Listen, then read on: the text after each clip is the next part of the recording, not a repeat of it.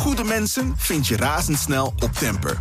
Plaats je shift op het platform en kies zelf uit duizenden freelance professionals op basis van hun ratings en skills. Van 1 tot 100 man, voor één shift of regelmatig, je vindt ze op Temper. Al vanaf 18,90 per uur. Temper, shift your workforce. BNR Nieuwsradio. De wereld. Bernard Hammelburg. Welkom bij het beste binnenlandse programma over het buitenland. Straks, voordat Zelensky zijn tour door Europa maakte, bezochten Nederlandse Kamerleden Oekraïne. VVD-buitenlandwoordvoerder Ruben Brekelmans vertelt wat hij daar hoorde en zag. Maar nu eerst, president Zelensky van Oekraïne heeft het Europese parlement toegesproken. Hij wilde laten zien dat Oekraïne echt bij de Europese familie hoort. This is our Europe. These are our rules. This is our way of life. And for Ukraine, it's the way home. Ik praat er dadelijk over met Thijs Reuten, Europarlementariër voor de Sociaal-Democratische SND-fractie namens de Partij van de Arbeid. Maar eerst is hier Europa-verslaggever Geert-Jan Haan. Uh, en we luisteren naar Roberto Metsola, de voorzitter van het Europese Parlement. And now states must consider quickly as a next step providing long range systems and the jets that you need to protect the liberty too many have taken for granted. Ja, Geert-Jan met Zola vraagt de lidstaten om meer wapens, ook om vliegtuigen aan Oekraïne. Ja. Daar vroeg uh, Zelensky in zijn speech zelf niet om. En eerlijk gezegd, ik was een heel klein beetje verbaasd dat een voorzitter van het parlement zoiets doet. Ik ook. Ja. Want uh, dat is in principe uh, niet haar, uh, haar primaire taak, zullen we maar zeggen. Ja. En dan denk je ook, oké, het vuurwerk begint al in het voorwoord van de voorzitter van het parlement. Maar uiteindelijk was het uh, toespraakje van Zelensky vooral een dankwoord aan het Europees Parlement, aan alle Europarlementariërs en alle Europeanen voor het opnemen van Oekraïnse vluchtelingen. Het ging over de mogelijkheid om snel toe te treden tot de EU, om het Europese pad te bewandelen. Um, Rusland uh, kreeg er van langs. Um, ja, het was wel opvallend dat Zelensky hier uh, nu zelf niet erg op hamerde. Європі пощастило, що у цій залі, у найбільшому парламенті Європи, у європейському парламенті, принциповість та енергійність мають абсолютну більшість. Я дякую вам. Ja, Zelensky uh, dankt ons, dankt het Europese parlement uh, voor de steun, uh, voor de energie, voor alles wat, wat Europa voor Oekraïne doet. Ja, hij leek behoorlijk geëmotioneerd toen hij begon. Ja. Hij is natuurlijk dankbaar aan de, voor de Europese steun, snappen we ook wel. 27 democratische landen die toch in meerderheid achter hem staan. Maar we hoorden ook kritiek. op wie had hij eigenlijk kritiek en wat was die kritiek? Nou, hij verpakte het als kritiek op de voorgangers van de huidige Europese leiders. Hoewel er natuurlijk ook nog uh, mensen zijn die al best wel lang op hun plek zitten. En het verwijt uh, dat had te maken uh, met Rusland. En ehm, ja, dat Rusland eigenlijk met één voet in de Europese Unie stond. Omdat oligarchen zijn toegelaten. er allerlei spionnen zijn op het Europese continent. We ehm, ja, aan, de, aan, de aan het fossiele infuus van, van Rusland hingen jarenlang. En hij zegt voor het eerst is die Russische voet uit de Europese politiek. Dat ziet hij als positief. Maar goed, dat is natuurlijk sinds een jaar gaande. En we kunnen een aardig rijtje Europese leiders opnoemen die er al langer zitten. Ja. Thijs Reuten, uh, welkom in het programma. Uh, uh, hoe was de sfeer onder uw collega's en u zelf natuurlijk, Europarlementariërs, tijdens die toespraak? Nou ja, volgens mij was iedereen toch heel erg onder de indruk. Uh, ik in ieder geval wel. Uh, het is toch, we, hebben wel vaker staatshoofden en regeringsleiders die het Europees Parlement toespreken. Maar uh, een, een, de president van een land wat in volle oorlog is, in strijd voor, voor de eigen vrijheid, maar ook voor die Europese waarden, die Europese toekomst. Ja, dat gebeurt natuurlijk eigenlijk nooit. En uh, het was indrukwekkend om hem uh, daar te zien staan. En inderdaad ook de emotie waar jullie het over hadden, die, die zagen wij ook. En die sloeg ook wel over, denk ik, op uh, veel collega's. Ja, Geert-Jan, je hebt ook een aantal Europarlementariërs gesproken. Wat hoorde jij hetzelfde soort verhalen? Ik hoorde kippenvel uh, als term. En we zagen ook uh, de uh, smartwatch van, of Apple Watch van, van, van Bart Groothuis, Europarlementariër namens de VVD. waar dan zo'n zo'n tool op zit dat als het aantal decibellen boven de 90 komt, dat, ja, dat je dan eigenlijk je oordopjes moet indoen, geloof ik. En dat had dan te maken ja. met het enorme applaus in het Europese parlement. Dat deelde die dan. Over die emotie nog heel kort, want ik heb dat een paar keer teruggezien. Het begin van de speech van Zelensky. Dat had te maken met dat Zelensky zijn toespraak wil beginnen. En dat hij dus uh, ja. de Oekraïnse leus uh, Slava Oekraïni zegt. Uh, hel aan de Oekraïners. En um, er kwam een reactie vanuit het publiek. Ik weet niet, uh, Thijs, of dat vanuit het parlement ja. kwam of vanaf de tribune. Mensen die ja. die leus in het Oekraïens beantwoorden. En je zag dat, Zelensky dat wist zich geen houding te geven. Okay, okay. En hij ging applaudisseren ja. voor de mensen. Oké, okay. klopt hè, meneer Reut? Dat is ook wat u... Ja, ja. Het werd beantwoord en ik was net te laat om te kijken of het nou van, van nog iets hoger kwam van de publieke tribune. Maar er werd in ieder geval inderdaad beantwoord met, met glorie aan onze helden. Hè? Ja. Uh, en dan in het uh, in Oekraïens. En, uh, en daar was hij inderdaad van van zijn stuk. En toen ging hij zelf applaudisseren. Dus hij ja. klapte.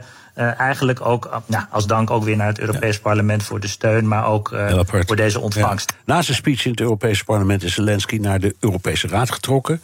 Um, daar sprak hij met de Europese regeringsleiders. En daarna, uh, Geert-Jan, gaf hij een persconferentie met von der Leyen en Michel. Daar ja. keek, daar eerlijk gezegd, ik keek er een beetje van op, want ik had niet gedacht dat hij een persconferentie zou doen. Maar nee, omdat we normaal denken van Zelensky, die staat op zo'n uh, voetstuk. En, en, en dat beeld van hem, dat, uh, dat, dat wil hij graag behouden. Hij hoeft niet zo nodig uh, tastbaar te zijn, liever onaantastbaar. Maar het was wel interessant, want er werden wat vragen gesteld. Bijvoorbeeld over die wapens. daar zijn we natuurlijk benieuwd naar. En het journaal ook. wat is er in Londen en wat is er in Parijs nou afgesproken over vliegtuigen en over lange afstandswapens? Waar Metzola toch eigenlijk op hint. Nou, Zelensky zegt Parijs met Macron en Scholz. Die vergadering ziet hij als iets positiefs, ook met concrete besluiten. Maar hij wilde en plein publiek geen dingen over aankondigen uh, om de Russische Federatie niet wijzer te maken. Londen, uh, daarvan zei hij wel, we komen dichter bij een oplossing uh, wat betreft die lange afstandsraketten en de opleiding van onze piloten. Dus hij nam het woord jachtvliegtuig of straaljager of zoiets niet in de mond. ook al doet zijn chef, zijn kabinetschef dat momenteel wel, meneer Jermak. Ja. Die zegt de kwestie is opgelost. Nou, ik heb nog niet ontdekt welke kwestie en wat er precies is opgelost. Um, maar goed, dat waren eigenlijk de dingen die het meeste opvielen aan die persconferentie. Plus Bernard Zelensky zegt: Ik wil lid worden van de EU. Dan bedoel ik dit jaar 2-0, 2-3. Ja. Dit jaar, ik heb niet het recht en dat vond ik interessant. Ik heb het recht niet om naar huis te gaan met andere resultaten. Ja. Oekraïne verwacht dit van mij. Ja, ja met een prachtige chantage-methode die hij voortdurend gebruikt. Dit is eh, zijn derde stop in de Europese Tour van Zelensky. Hij was in Londen, in Parijs. Uh, hij is ook al bij, het Witte, eh, bij Biden in het Witte Huis geweest. Ja. Het congres toegesproken. Heeft Zelensky nu de smaak te pakken? Weet ik niet zo goed. Hij heeft in Polen uh, nog Andrzej Duda gesproken, omdat hij nou eenmaal vanuit Polen naar Amerika moest vliegen. Dus dat heeft hij ook afgevinkt. Dus de belangrijkste partners heeft hij gehad. Ja, uh, als wij suggereren, Bernard, ik zat zelf te denken eventueel aan uh, toch aan Den Haag als stad van vrede en recht, waar misschien een tribunaal komt. Von der Leyen hintte daar ook weer op in de persconferentie. En ik dacht als um, Dark Horse misschien Stockholm. En dat heeft te maken met dat natuurlijk nu die oproep van Zelensky telkens is voor vliegtuigen. nou, F-16's, dat, daar zien de Amerikanen niet zoveel in. Engeland heeft hij nu misschien wel, misschien niet ja, geregeld. Maar dat zijn hele oude jagers. En de Zweden hebben natuurlijk Figgin. Ja, en uh, weet je, ik denk Zelensky gaat ergens naartoe met een heel duidelijk doel. Uh, anders laat hij zijn gezicht niet zomaar zien. Hij wil dat unieke karakter behouden. Dus dan zou dit mijn dark horse zijn. Maar goed, weet je, een, een fotomoment met Erdogan of Netanyahu... de landen die een beetje van beide walletjes eten... ja, dat kan natuurlijk ook in je voordeel van de beeldvorming werken. Dus uh, je moet niks uitvlakken. Nee, en hij heeft natuurlijk nu ook andere dingen aan zijn hoofd. Dankjewel, Europa-verslaggever Geert-Jan Haan. Ik praat verder met uh, Partij van de Arbeid... Europarlementariër Thijs Reuten. meneer Reuten, de vraag hadden we ook meteen eigenlijk aan u moeten stellen. Wat vond u van de speech... Uh, los van het feit uh, over, over het kippenvel en indruk en ontroering, ga zo maar door, maar inhoudelijk. Ja, ik denk dat zijn voornaamste boodschap was ook de eenheid benadrukken. Hè? Ehm, de eenheid tussen die nu binnen Europa uh, is gevestigd uh, tegen, uh, tegen Poetin. Hè. eindelijk is Europa ook veranderd door de oorlog. dat sluit ook aan bij wat jullie net ook bespraken. Hè, dat ehm, hij impliciet natuurlijk Europa ook verwijt te lang Rusland te hebben laten begaan. Um, en die eenheid die we nu omarmen en die ook onze gezamenlijke toekomst onderstreept. Uh, dat, uh, ja, dat vond ik wel erg, erg mooi uh, in zijn speech. Ja, het thema was natuurlijk helemaal Europa. En hij stond in het hart ja. van Europa. Dus ja, best begrijpelijk. Hij ging, was eerst naar het Verenigd Koninkrijk. Um, ja. En dat, dat, dat heeft toch iets demonstratiefs, zal ik maar zeggen. En daar werd hij dan keurig en dan werd hij dan opgehaald enzovoort. Maar toch, um, wordt, wordt dat hem nagedragen? Bij ons in, in Brussel niet. Ja, nee, ik, Ik, ik, zoek daar ook niet te veel achter. Uh, ik denk dat het ook een logistieke uh, puzzel is geweest om dit ook met alle veiligheidsmaatregelen uh, rond te krijgen. En laten we ook eerlijk zijn, met name ook de vorige premier van het Verenigd Koninkrijk, met alle dramatische fouten die uh, hij gemaakt heeft, heeft wel altijd vanaf het begin Oekraïne heel erg uh, gesteund. Ja. Um, de Verenigd Koninkrijk is een belangrijke partner. En ik denk dat dit een logische route was. Ik vond het mooi dat hij vanochtend begon in het Europees Parlement en daarna naar de regeringsleiders is gegaan. Ja, hij deed het in het Oekraïens. Uh, ja. Nou hadden wij gelukkig Geert-Jan bij de hand, dus die kon dat uh, simultaan vertalen. Maar ik, ik, ik, had toch de indruk dat er uh, mensen een beetje van schrokken en het ook vreemd vonden. Want in Londen en in Washington had hij het keurig in het Engels gedaan. Dus hoe kwam dat nou bij u over? Waarom denkt u dat hij Oekraïens heeft gekozen? Ik denk dat hij zich wel in die taal toch het meest thuis voelt. Hij spreekt weliswaar best goed Engels, maar toch ook met een accent. Uh, de zaal van het Europees Parlement is nogal groot. Um, om daar goed over te komen, denk ik dat hij dacht: ik kies uh, voor mijn eigen taal. We hebben bovendien gelukkig heel veel hele goede vertalers. Dus um, het, het, was in die zin geen probleem. Iedereen kon in, in het Europees Parlement kan iedereen uh, de speech in zijn eigen taal luisteren. Hè, van, van Lets uh, tot Italiaans tot, uh, tot Frans. Dus ik denk dat dit de uitgelezen plek was om het misschien wel in zijn eigen taal te doen en uh, daardoor ook dicht bij zichzelf te kunnen blijven. Ja, uh, nou gaat het Europese parlement en de Europese Commissie gaan niet over wapenleveranties. Uh, nee. Dus is het daarom dat u denkt dat die meer inzetten op, ik zal maar zeggen, de, de symboliek van het EU-lidmaatschap? wij horen erbij, dat blijkt uit alles. Wij zijn er een soort garantie voor jullie. ik had het gevoel dat hij eigenlijk zei: joh wij, wij beschermen jullie oostgrens. Laten we daar nou eerlijk over wezen. Klopt dat een beetje? Ja, dat is ook wel een beetje waar natuurlijk. Hè. Uh, het, wij zijn weliswaar niet direct uh, aan het meedoen in die oorlog. Maar het is wel onze oorlog. Hè. Dat zeg ik ook uh, premier Rutte na. Daar ben ik het volledig met hem uh, eens. Het is op dit moment in Oekraïne waar mensen sterven voor de Europese vlag. Dat is de eerste keer in de geschiedenis dat mensen voor het Europese ideaal van vrijheid en recht, van democratie um, hun leven uh, geven. Dus in zoverre. Ja, maar waar, waar, dat, is waar, ik, dat, dat is waar we voelen het allemaal. Maar is het echt waar? Is het niet gewoon zo dat Oekraïne vecht omdat het is aangevallen? En daar uh, gelukkig steun krijgt, omdat het VN-handvest daar ook in voorziet. van de Europese landen of van de Verenigde Staten, de NAVO, noem maar ze noemen wil. Maar nu klinkt het plotseling andersom. Wij hebben geen oorlog ja, met Rusland, toch?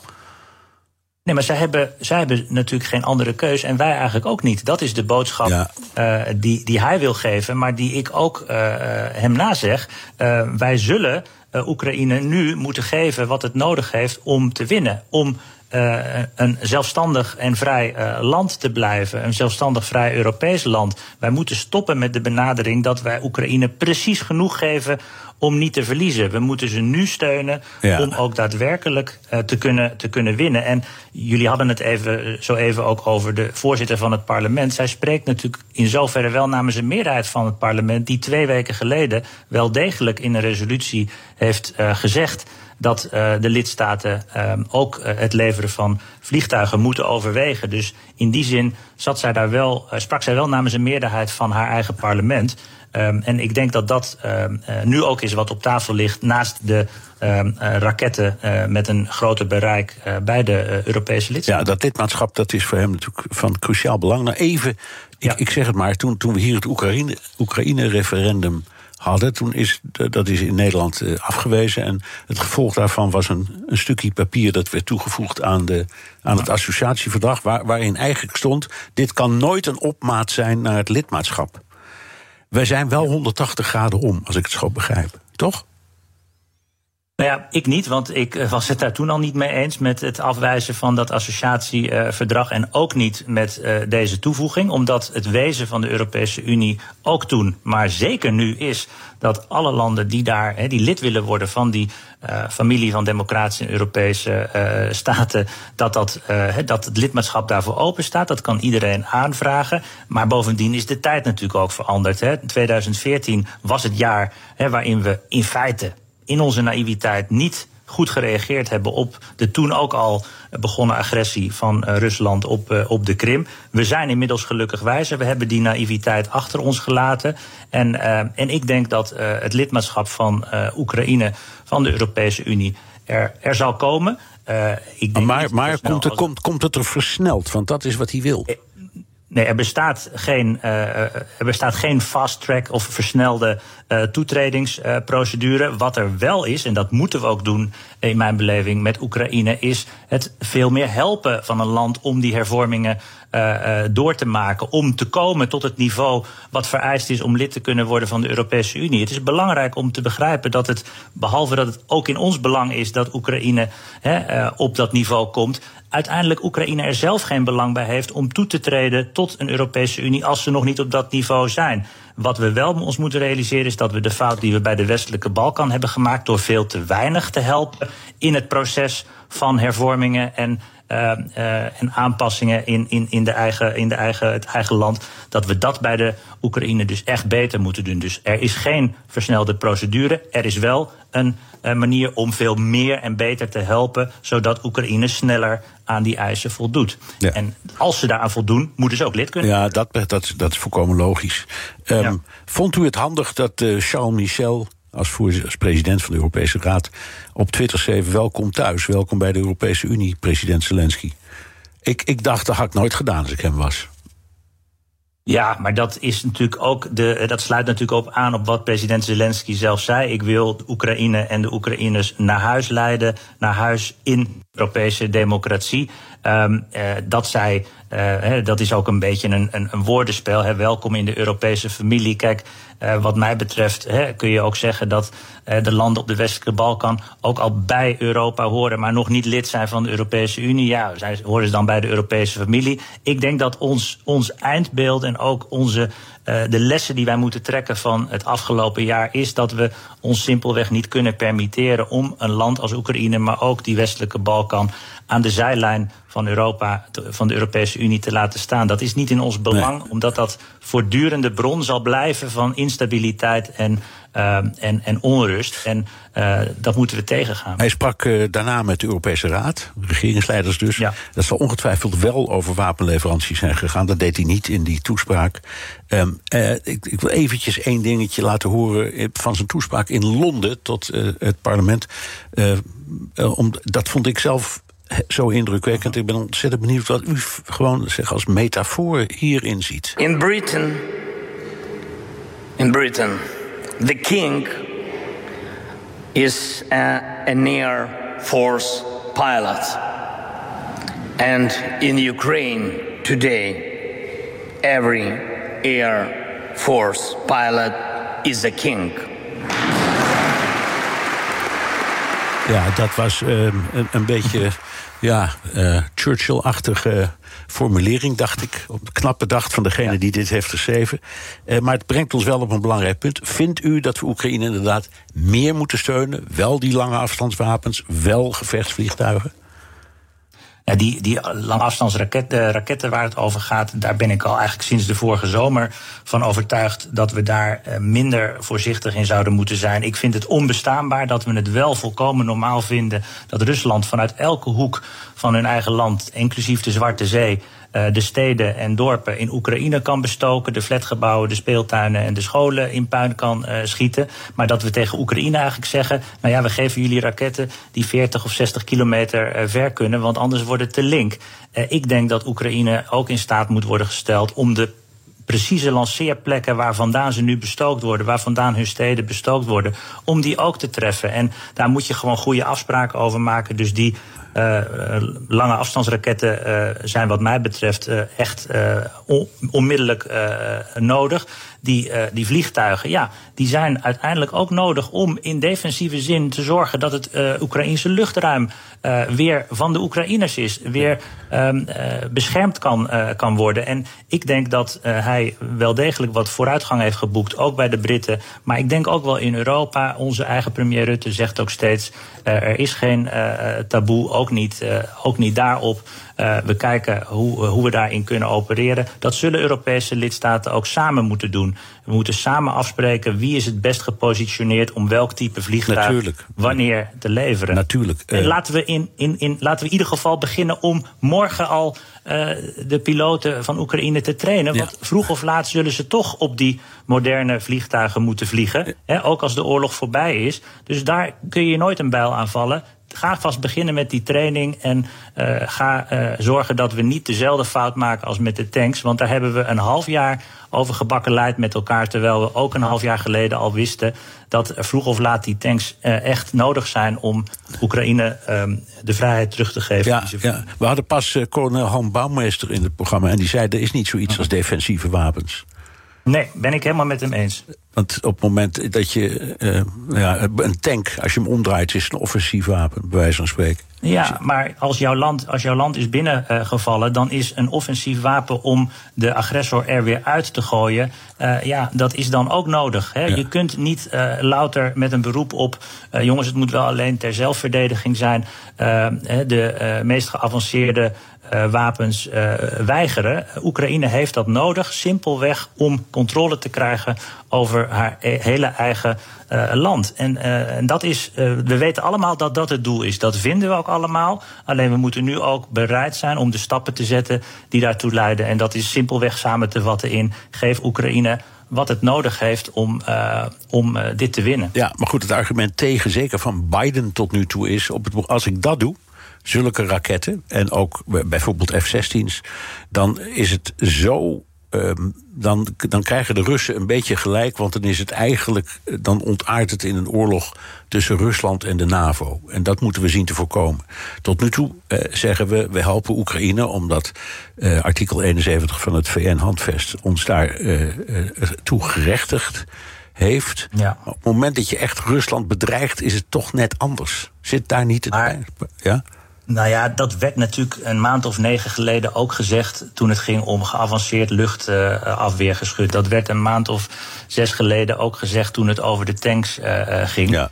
Um, ik denk dat we uh, op al die uh, stappen he, de goede stappen hebben gezet, alleen niet snel genoeg. En um, ik snap ook dat het een ingewikkeld gesprek kan zijn, maar het doel is helder. We moeten Oekraïne voorzien van datgene wat nodig is om, om, het, om hun land te bevrijden. En ik denk dat ook president Biden uiteindelijk snapt dat hè, samen met de bondgenoten. En daar kunnen we ook natuurlijk allemaal naar kijken wie het best gepositioneerd is om welk vliegtuig te leveren. Moeten dat vliegtuigen zijn die de Oekraïne zal kennen? Moeten het vliegtuigen zijn die uh, werkeloos in de hangar staan in Frankrijk? de Mirages, zijn die makkelijk te vliegen?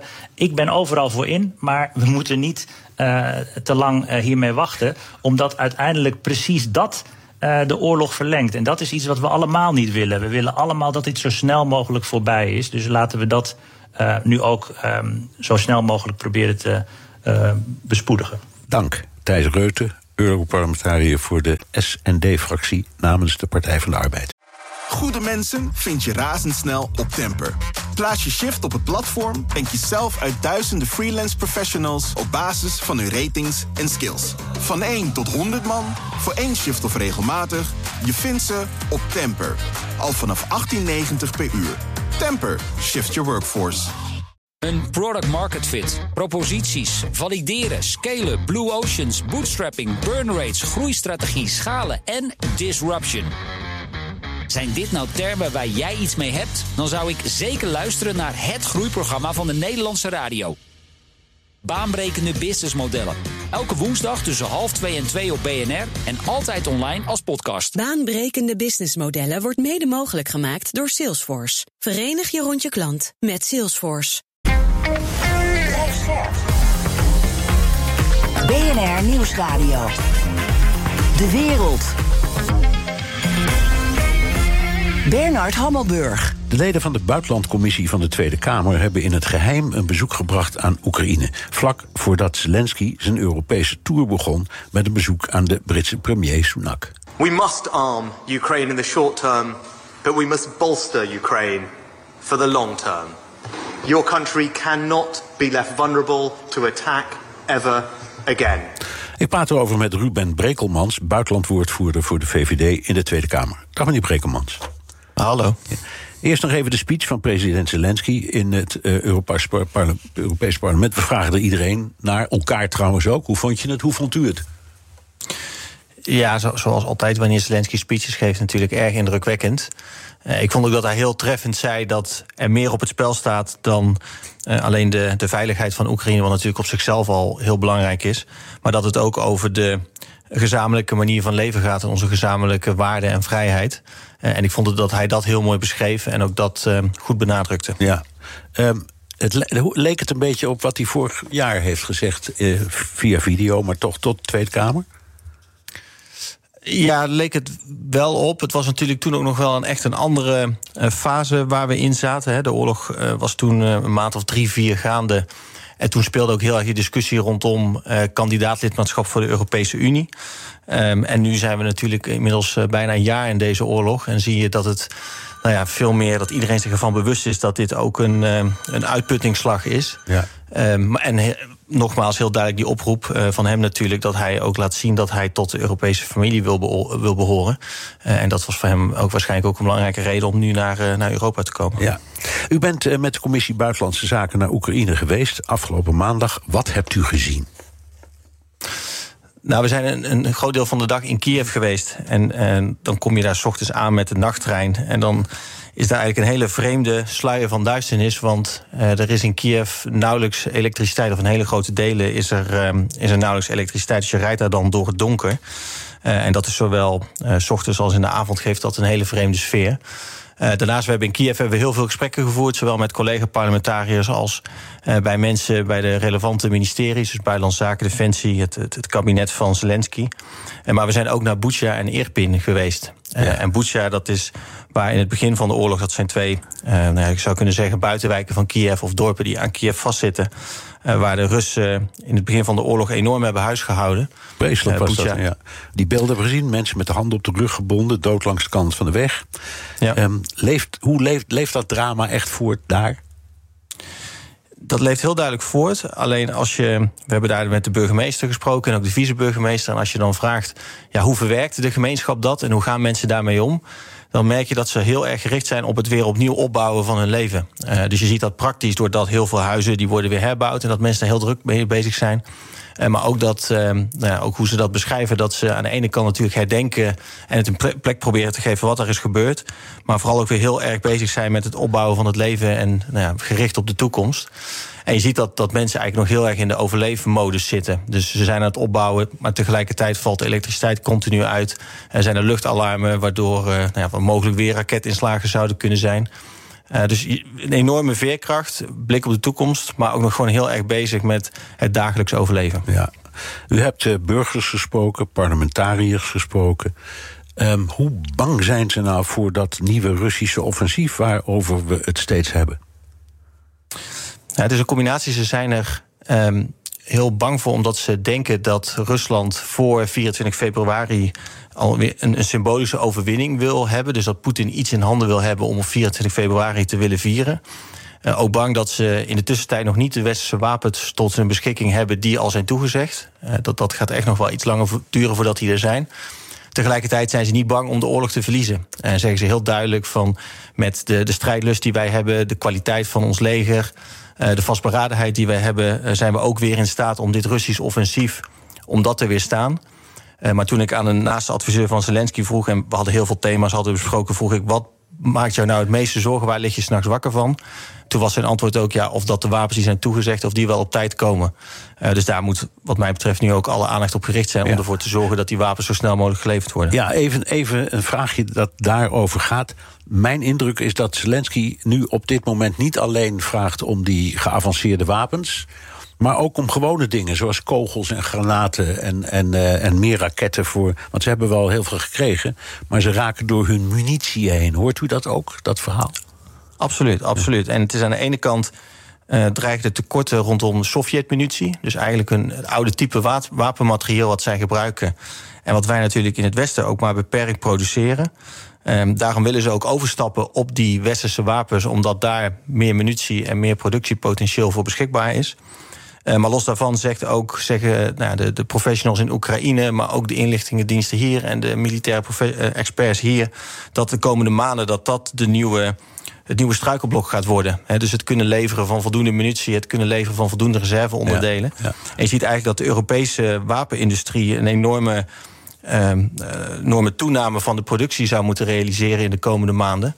En dat wij daar niet toe in staat zijn, de manier waarop we dat hebben ingericht, om dat voor elkaar te krijgen. Dus ik roep, ik heb ook al het kabinet meerdere keren opgeroepen van pleiten nou in Europa voor dat we net als destijds met de vaccins uh, waarin we hebben gezegd dat moet in één keer heel snel omhoog. En dat gaan we nu echt Europees coördineren. En eigenlijk van bovenaf ervoor zorgen dat dat uh, gebeurt. Ja, eigenlijk zou je dat nu ook in de wapenindustrie willen doen.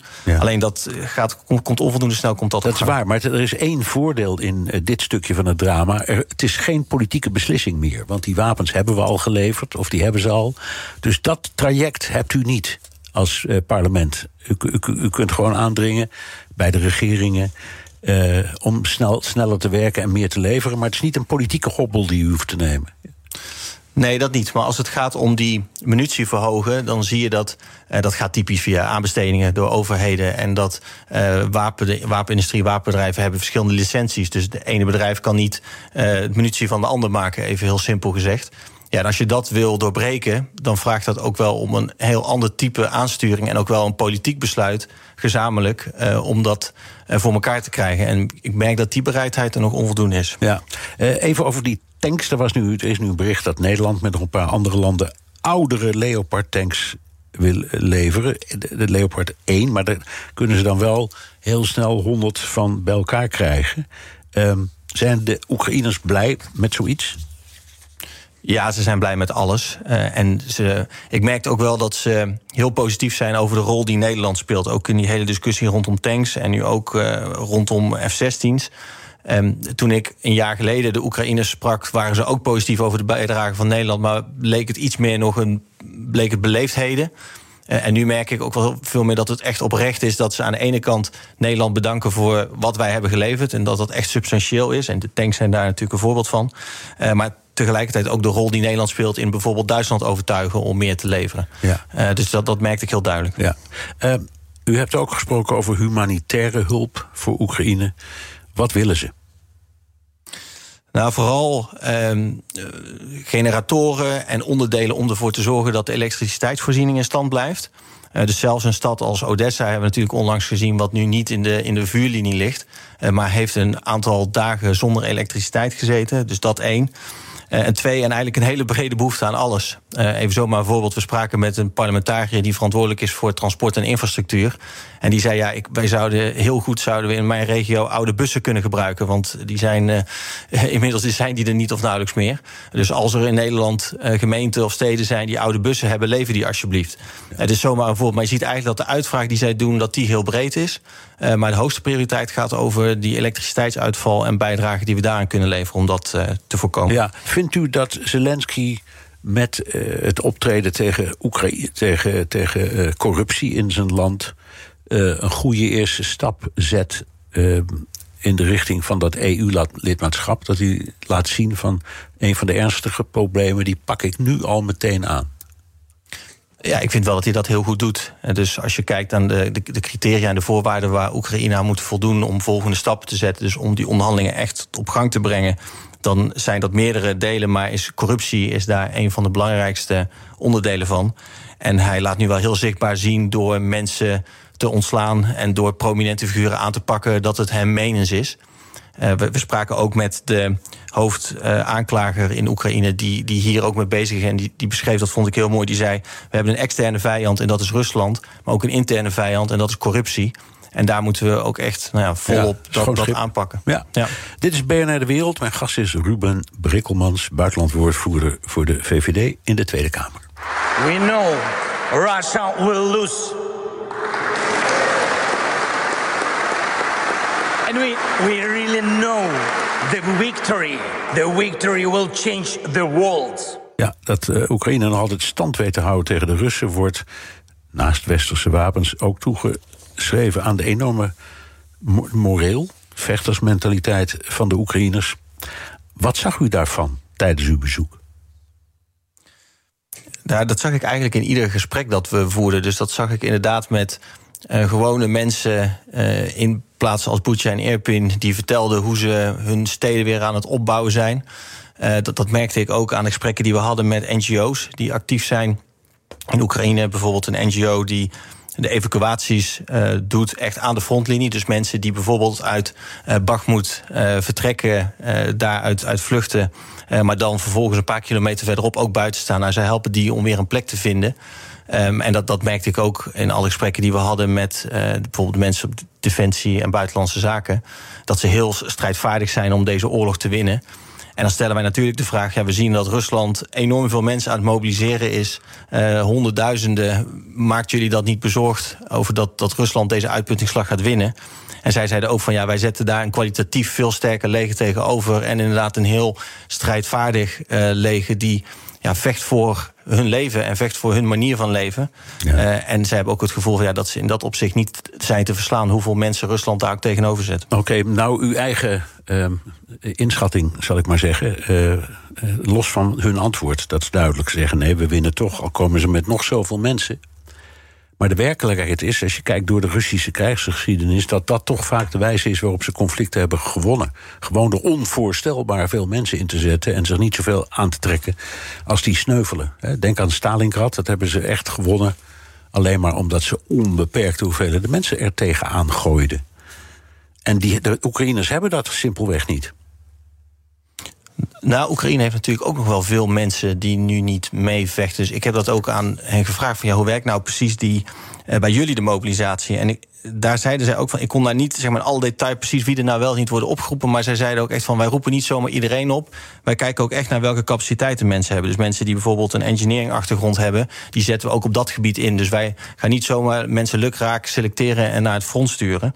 Uh, maar ik denk dat om antwoord te geven op die vraag van die, die kwantiteit die, die Rusland inbrengt, kan Oekraïne dat kwalitatief weerstaan?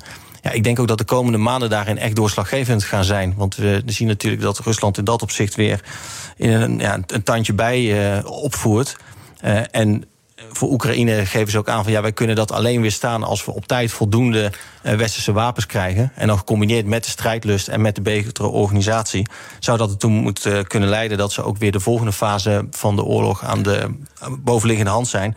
Maar of het genoeg is om Rusland daadwerkelijk te verdrijven uit heel Oekraïne, ja, daar kun je natuurlijk wel hele grote vraagtekens bij stellen. Ja, en vandaar dat nu natuurlijk ook de discussie wordt gevoerd over straaljagers en over raketten met een verder bereik. Ja, want daarmee kun je bijvoorbeeld de Krim raken. Of, uh, of stukjes van Rusland. En dan, mm -hmm. hè, dus dat zou dan een enorme escalatie zijn. In, in, nou, ja, in, in het kader van werken aan een overwinning is dat toch een enorme escalatie, toch? Nou ja, de Amerikanen hebben natuurlijk gezegd dat tot nu toe zijn alleen raketten met een bereik van 80 kilometer geleverd. Ze gaan ja, ook van 150. 150, ja, dat is de volgende stap. Precies, ja. precies ja. Dus daar, daar zou je de hele Donbass uh, zou je daarmee kunnen raken. En ook het noordelijk stuk van de Krim. Ja, ik, ik ben benieuwd of dat, dat, net zoals eerder met de HIMARS tot 80 uh, uh, kilometer. Um, of dat dat weer ook een nieuwe nou ja, stimulans gaat geven voor Oekraïne. Kijk, ik denk dat Oekraïne wel heeft laten zien dat ook wapens die een net wat verder bereik hebben, dat ze die op een prudente manier inzetten. Echt alleen ter verdediging van het eigen grondgebied. En als we wapens leveren, zouden leveren zoals straaljagers of raketten met een bereik van 300 kilometer, moeten we ook die afspraak met Oekraïne maken dat ze die echt alleen voor eigen zelfverdediging Oké, gebruiken. nu de gebieden waarom het gaat, die, die heeft Rusland geannexeerd. Ehm, dus dat is nu een stuk van Rusland. Is het nu zo, in elk geval volgens de Russen, maar hoe moeten we daarmee omgaan? Laat ik het zo zeggen. Dat wanneer je een aanval doet op wat zij hebben geannexeerd, een stuk van de Donbass eh, of, eh, of de Krim, is dat dan een aanval op eh, Rusland? Nee, ik, ik heb dat eigenlijk vanaf het begin af aan, vooral als een symbolische daad gezien, maar praktisch gezien niet heel serieus genomen. Want zij hebben namelijk provincies geannexeerd, hè, dus in hun ogen formeel op papier toegeëigend, die ze niet eens vol, volledig in bezit hadden. Dus eigenlijk vanaf minuut één na die zogenaamde annexatie had, was al een deel van het grondgebied in handen van Oekraïne. Dus dat zou dan betekenen als dat hun grondgebied was, dat ze recht zouden hebben in hun ogen tot een enorme escalatie. En dat is niet zo. Uh, dus ik denk eigenlijk dat er praktisch, en dat zie je nu ook, dat er in die zin niet heel veel veranderd is. Maar dat er gewoon om iedere meter wordt gevochten in ieder van die provincies. En dat we Oekraïne in staat moeten stellen om daar zoveel mogelijk van terug te veroveren. Ja, de Amerikanen hebben als inzet of als doel om zoveel steun te geven dat Oekraïne een zo goed mogelijke positie krijgt als het uiteindelijk op onderhandelingen, uit, op onderhandelingen uitkomt. Ziet u dat ook als voornaamste doel? Nou, ik heb altijd gezegd dat als he, vaak die discussie over wat betekent het nou dat Oekraïne wint. Kijk, wat mij betreft zijn er twee opties. De eerste optie is zoals de Amerikanen dat beschrijven. En dat is wellicht ook de meest waarschijnlijke optie. En de tweede optie is dat Oekraïne inderdaad in staat is om het volledige grondgebied terug te veroveren. En Oekraïne heeft ons het afgelopen jaar al een behoorlijk aantal keer verrast in hoeverre zij in staat zijn om grote stukken weer terug te veroveren. Dus wat mij betreft is, is winnen uh, kan twee opties zijn. Eén, zo goed mogelijk positie aan de onderhandelingstafel om Oekraïne in staat te stellen tot een akkoord te komen. Of twee, dat ze hun hele grondgebied uh, bevrijden. Ja, nou, de, de, de stellingen die beide partijen innemen is: Oekraïne zegt we willen het hele bezette gebied terug, inclusief de Krim. En, en Poetin moet voor het gerecht, hè, daar komt het een beetje op neer. En anders valt er met ons niet te praten.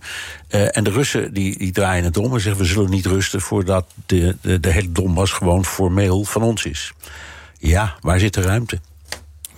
Nou ja, om te onderhandelen is heel beperkt. Dus ik vind ook dat mensen die nu oproepen tot vredesonderhandelingen. Ja, het is, het is een beetje makkelijk, omdat je ziet dat er eigenlijk, eh, zoals u dat ook net beschrijft, dat er weinig uh, ruimte is om tot elkaar te komen. Uh, en ik vind dat tot die tijd, kijk, Zelensky heeft een, um, een, een vredesformule gepresenteerd. Dat bestaat uit tien punten. Dat zijn, wat mij betreft, zijn dat hele redelijke punten, want die gaan namelijk uit van het internationaal recht en van de soevereiniteit van Oekraïne. En ik vind ook dat we Oekraïne daarin moeten steunen in die inzet. Je ziet nu wel, en dat is op zich internationaal gezien ook wel heel interessant, dat Oekraïne probeert om daar zoveel mogelijk steun voor te vergaren in de wereld. Um, en het liefste zou het op 24 februari ook een resolutie inbrengen in de VN om daarover te laten stemmen. Maar je ziet dat buiten het Westen, dat de rest van de wereld daarin behoorlijk verdeeld is. En ja, dat, dat klopt. eigenlijk die, die, die principes van internationaal recht, die voor ons vanzelfsprekend en de basis zijn, ja, dat zij die nu in stemming zouden brengen, dat dat wel eens tot een diplomatiek uh, gezichtsverlies ja, zou kunnen leiden. Begrijp ik.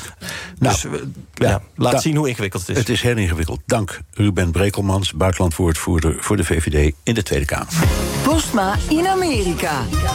Tijd voor het Amerikaanse nieuws door de ogen van onze correspondent in Washington, Jan Postma. Jan, na de State of the Union toespraak zijn Democraten enigszins opgelucht over Biden?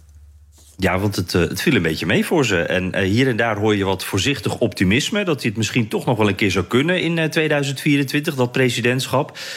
ja, Biden kwam moeilijk op gang, vond ik. Hij, hij begon een beetje te freewheelen en dat liep niet helemaal lekker. Maar uiteindelijk maakte dat niet zoveel meer uit. Want alle aandacht ging dat, naar dat ene moment. toen hij als het ware de Republikeinen even uit de tent lokte. En toen daar zelf beter uitkwam. Dat op het moment was dat gejoel. Hè? Ja. En dat stelde echt sommige democraten een beetje beetje gerust. En ik moet ook zeggen, uh, het is ook wel slim uh, van Biden. Want er waren opvallend veel Biden-bondgenoten op tv de laatste dagen. om hem ook te verdedigen en dit te vertellen. Uh, dus dat hielp ook wel. Biden klaagde eerder al eens dat dat te weinig gebeurde. Zoals Trump daar ook altijd over klaagde. maar goed, de vraag blijft dan natuurlijk: gaat hij het ook echt doen? Nou, daar werd hij gisteravond naar gevraagd op PBS. It sounds like you're running. I've made that decision. That's my intention, I think, but I've made that decision firmly yet. Ja, hij mompelt hier wat, Bernard. En dan klinkt hij toch wel weer een beetje oud, moet ik zeggen. Want ik verstond in eerste instantie, I made that decision. Ja, maar ik, ik heb ook. moeten zoeken en een paar keer moeten luisteren. Hij zegt, ik heb die beslissing nog niet genomen. Het is mijn intentie, denk ik. Dus ja, de echte aankondiging is het nog niet. En die wordt de komende weken ergens verwacht. Ja, hij klonk buiten adem. En misschien, ik dacht, na zo'n lange toespraak is hij misschien buiten adem. ja, precies. Ja. Hey, ehm, even over de kijkcijfers. Lyndon Johnson heeft ooit bedacht dat je de, de, de State of the Union moet uitzenden in primetime. Want dan heeft het zin, dan krijg je miljoenen eh, kijkers. Hoe zat het met de kijkdichtheid? Ja, dat, dat viel een beetje dan weer tegen. Dat is dan weer eh, de andere kant. Ik moet wel zeggen, dat is de laatste jaren al zo. Hè, maar eh 27 miljoen kijkers is de eerste schatting. Eh dat komt nog een paar miljoen bij waarschijnlijk. Maar dat is wel echt duidelijk minder dan vorig jaar. Toen waren er nog 38 miljoen voor Biden. En ter vergelijking, in 2018 hadden we een piek. Toen haalde Trump 45 miljoen. Dus echt veel meer. Bijna, bijna twee keer zoveel. Eh, maar een kanttekening erbij. Ja, wie kijkt er nog live tv? Hè? Een hele jonge generatie doet dat niet meer. Eh, de Grammys bijvoorbeeld, die grote show... die waren een paar dagen geleden al blij met 12 miljoen mensen. Dus het is ook maar relatief. En ja, het gaat steeds meer om de clipjes... die via social media en andere kanalen gedeeld worden. En dat, dus het, het beeld van Lyndon Johnson, het idee... dat is inmiddels ook wat eh, veranderd. Ja. Eh, en, nog wel interessant, verreweg de meeste mensen... het is geen verrassing, keken via Fox News. Dat waren bijna 5 miljoen. En dat is ook heel belangrijk. Want daar worden die clipjes allemaal herhaald en geduid. En daar krijg je natuurlijk een heel ander beeld. Eh, ja, het is een beetje de grootste spinroom van Amerika eigenlijk, Fox News. Ander beeld dan bij andere zenders. Ja, maar en hoezo anders? Zegt, zegt Fox News, we vonden het helemaal niks. En zeggen die andere zenders, nou, we vonden hem eigenlijk wel goed. Ja, daar komt het wel een beetje op neer. Ja, op, op CNN hoor je dan heel erg van... oh, hij heeft ze echt in de tank genomen, die republikeinen. En moet je zien, wat zal dit een ongelooflijk eh, effect hebben... ook op zijn populariteit. En bij Fox hoor je dan, hij heeft alleen maar gelogen. Eh, we kunnen de president niet vertrouwen. Wat vreselijk is dit. Eh, hij moet zo snel mogelijk weg. Dus echt zwart-wit. maar. Wat zijn zijn plannen voor de komende tijd? Ja, hij was uh, meteen na de State of the Union op campagne in Wisconsin. Uh, en dan denken we dus aan die aankondigingen hè, die we binnen een paar weken verwachten. Uh, belangrijke swing state Wisconsin. hij, gaat daar zijn, heeft daar zijn, nou, als een grote plannen is hij daar eigenlijk een beetje zo aan het verkopen en aan het laten zien wat voor effect dat heeft. Maar er wacht ook nog een belangrijke beslissing. En dat is wel interessant, want zondag is de Super Bowl. En nou, dat is een kijkcijferhit. Het kijkcijferhit eigenlijk van, van het jaar. De kijkcijferhit. 100 miljoen Amerikanen kijken daarnaar. Uh, en dat is dus heel belangrijk. En de traditie daar is dat de president dan een interview geeft aan de zender die dat jaar de wedstrijd uitzendt. Maar dit jaar is dat Fox News. En Biden heeft daar nog niet gezeten voor een interview. En ja, we zeiden net al, dat is niet de vriendelijkste omgeving voor hem. Er is nog geen besluit of het gaat gebeuren vanuit het Witte Huis. Ik moet zelf zeggen, ik zou dat dan wel weer slap vinden. Want de president moet toch ook een paar kritische vragen aankunnen. En als hij dat niet doet, dan denk ik dat dat ook wel eigenlijk iets zegt hoe hij ervoor staat als potentiële kandidaat. Ja. Lijkt mij ook. Oeh, ben benieuwd zeg. Dank. Jan Postma, correspondent in Washington. Wilt u meer horen over dat fascinerende land? Luister dan naar de Amerika-podcast van Jan en mij. En tot zover BNR De Wereld. Terugluisteren kan via de site, de app, Spotify of Apple Podcast. Reageren kan via een mailtje naar dewereld.bnr.nl. Tot volgende week. Goede mensen vind je razendsnel op Temper. Plaats je shift op het platform en kies zelf uit duizenden freelance professionals op basis van hun ratings en skills. Van 1 tot 100 man, voor één shift of regelmatig, je vindt ze op Temper. Al vanaf 18,90 per uur. Temper, shift your workforce.